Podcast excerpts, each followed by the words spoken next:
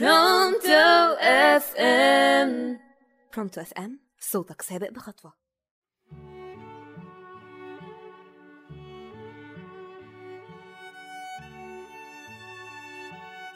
أهلا بكل مستمعي راديو برونتو. معاكم سارة علي من برنامج مسار. النهاردة هكلمكم عن حاجة كلكم بتحبوها الشوكولاتة. الشوكولاتة عالم كبير من الأسرار.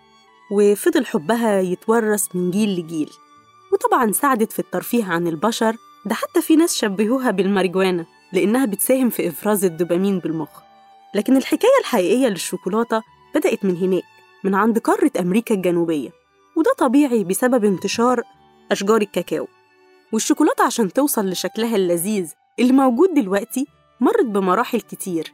في الأول كانوا بيجيبوا حبوب الكاكاو ويجففوها ويطحنوها وكانوا بيحطوا معاها الفلفل الحار بعد ما يجففوه ويطحنوه هو كمان.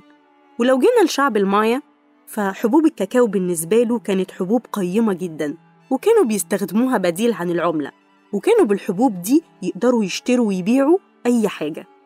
وطبعا ده أدى لمحاولات كتير لتقليدها والحقيقة إن وقتها ظهرت كميات كبيرة من حبوب الكاكاو المزيفة زي بالظبط تزوير العملات في الوقت الحالي. ومش بس استخدامها كعملة. الحقيقة إن حبوب الكاكاو عند شعب المايا كانت حبوب مقدسة جدا وكان عندهم إله الكاكاو وكانوا بيعبدوه. أما بقى انتشار الشوكولاتة بشكلها الحالي فده بيرجع للكيميائي الهولندي فان هوتن اللي قدر لأول مرة إنه يشيل الطعم المر منها وكمان قعد هو وباباه كده وقدروا إن هم يلاقوا طريقة يستخرجوا منها زبدة الكاكاو.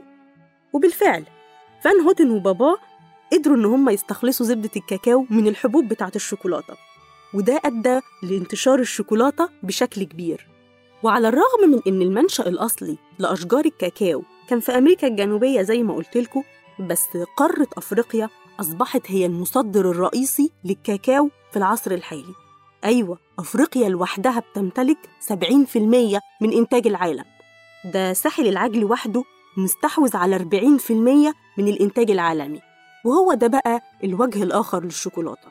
لأن الحقيقة بسبب الموضوع دوت أدى إلى أزمة عبودية كبيرة في أفريقيا والحقيقة إن الأزمة دي موجودة ومستمرة لحد النهاردة من أجل زراعة وصناعة الكاكاو عشان بيتم استعباد الناس والأطفال للعمل في مزارع الكاكاو وخصوصا الأطفال.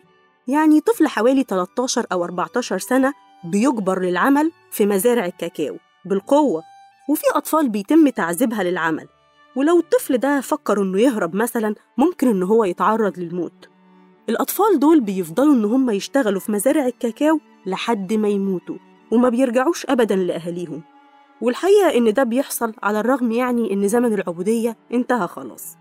وبالرغم من إن الأطفال دول بيفضلوا يشتغلوا في مزارع الكاكاو عشرات من السنين إلا إنهم عمرهم ما داقوا الشوكولاتة. مع الأسف يعني. لو فضلتوا لحد هنا أنا بشكركم جدا على الاستماع. شكرا جدا. سارة علي مسار راديو برونتو.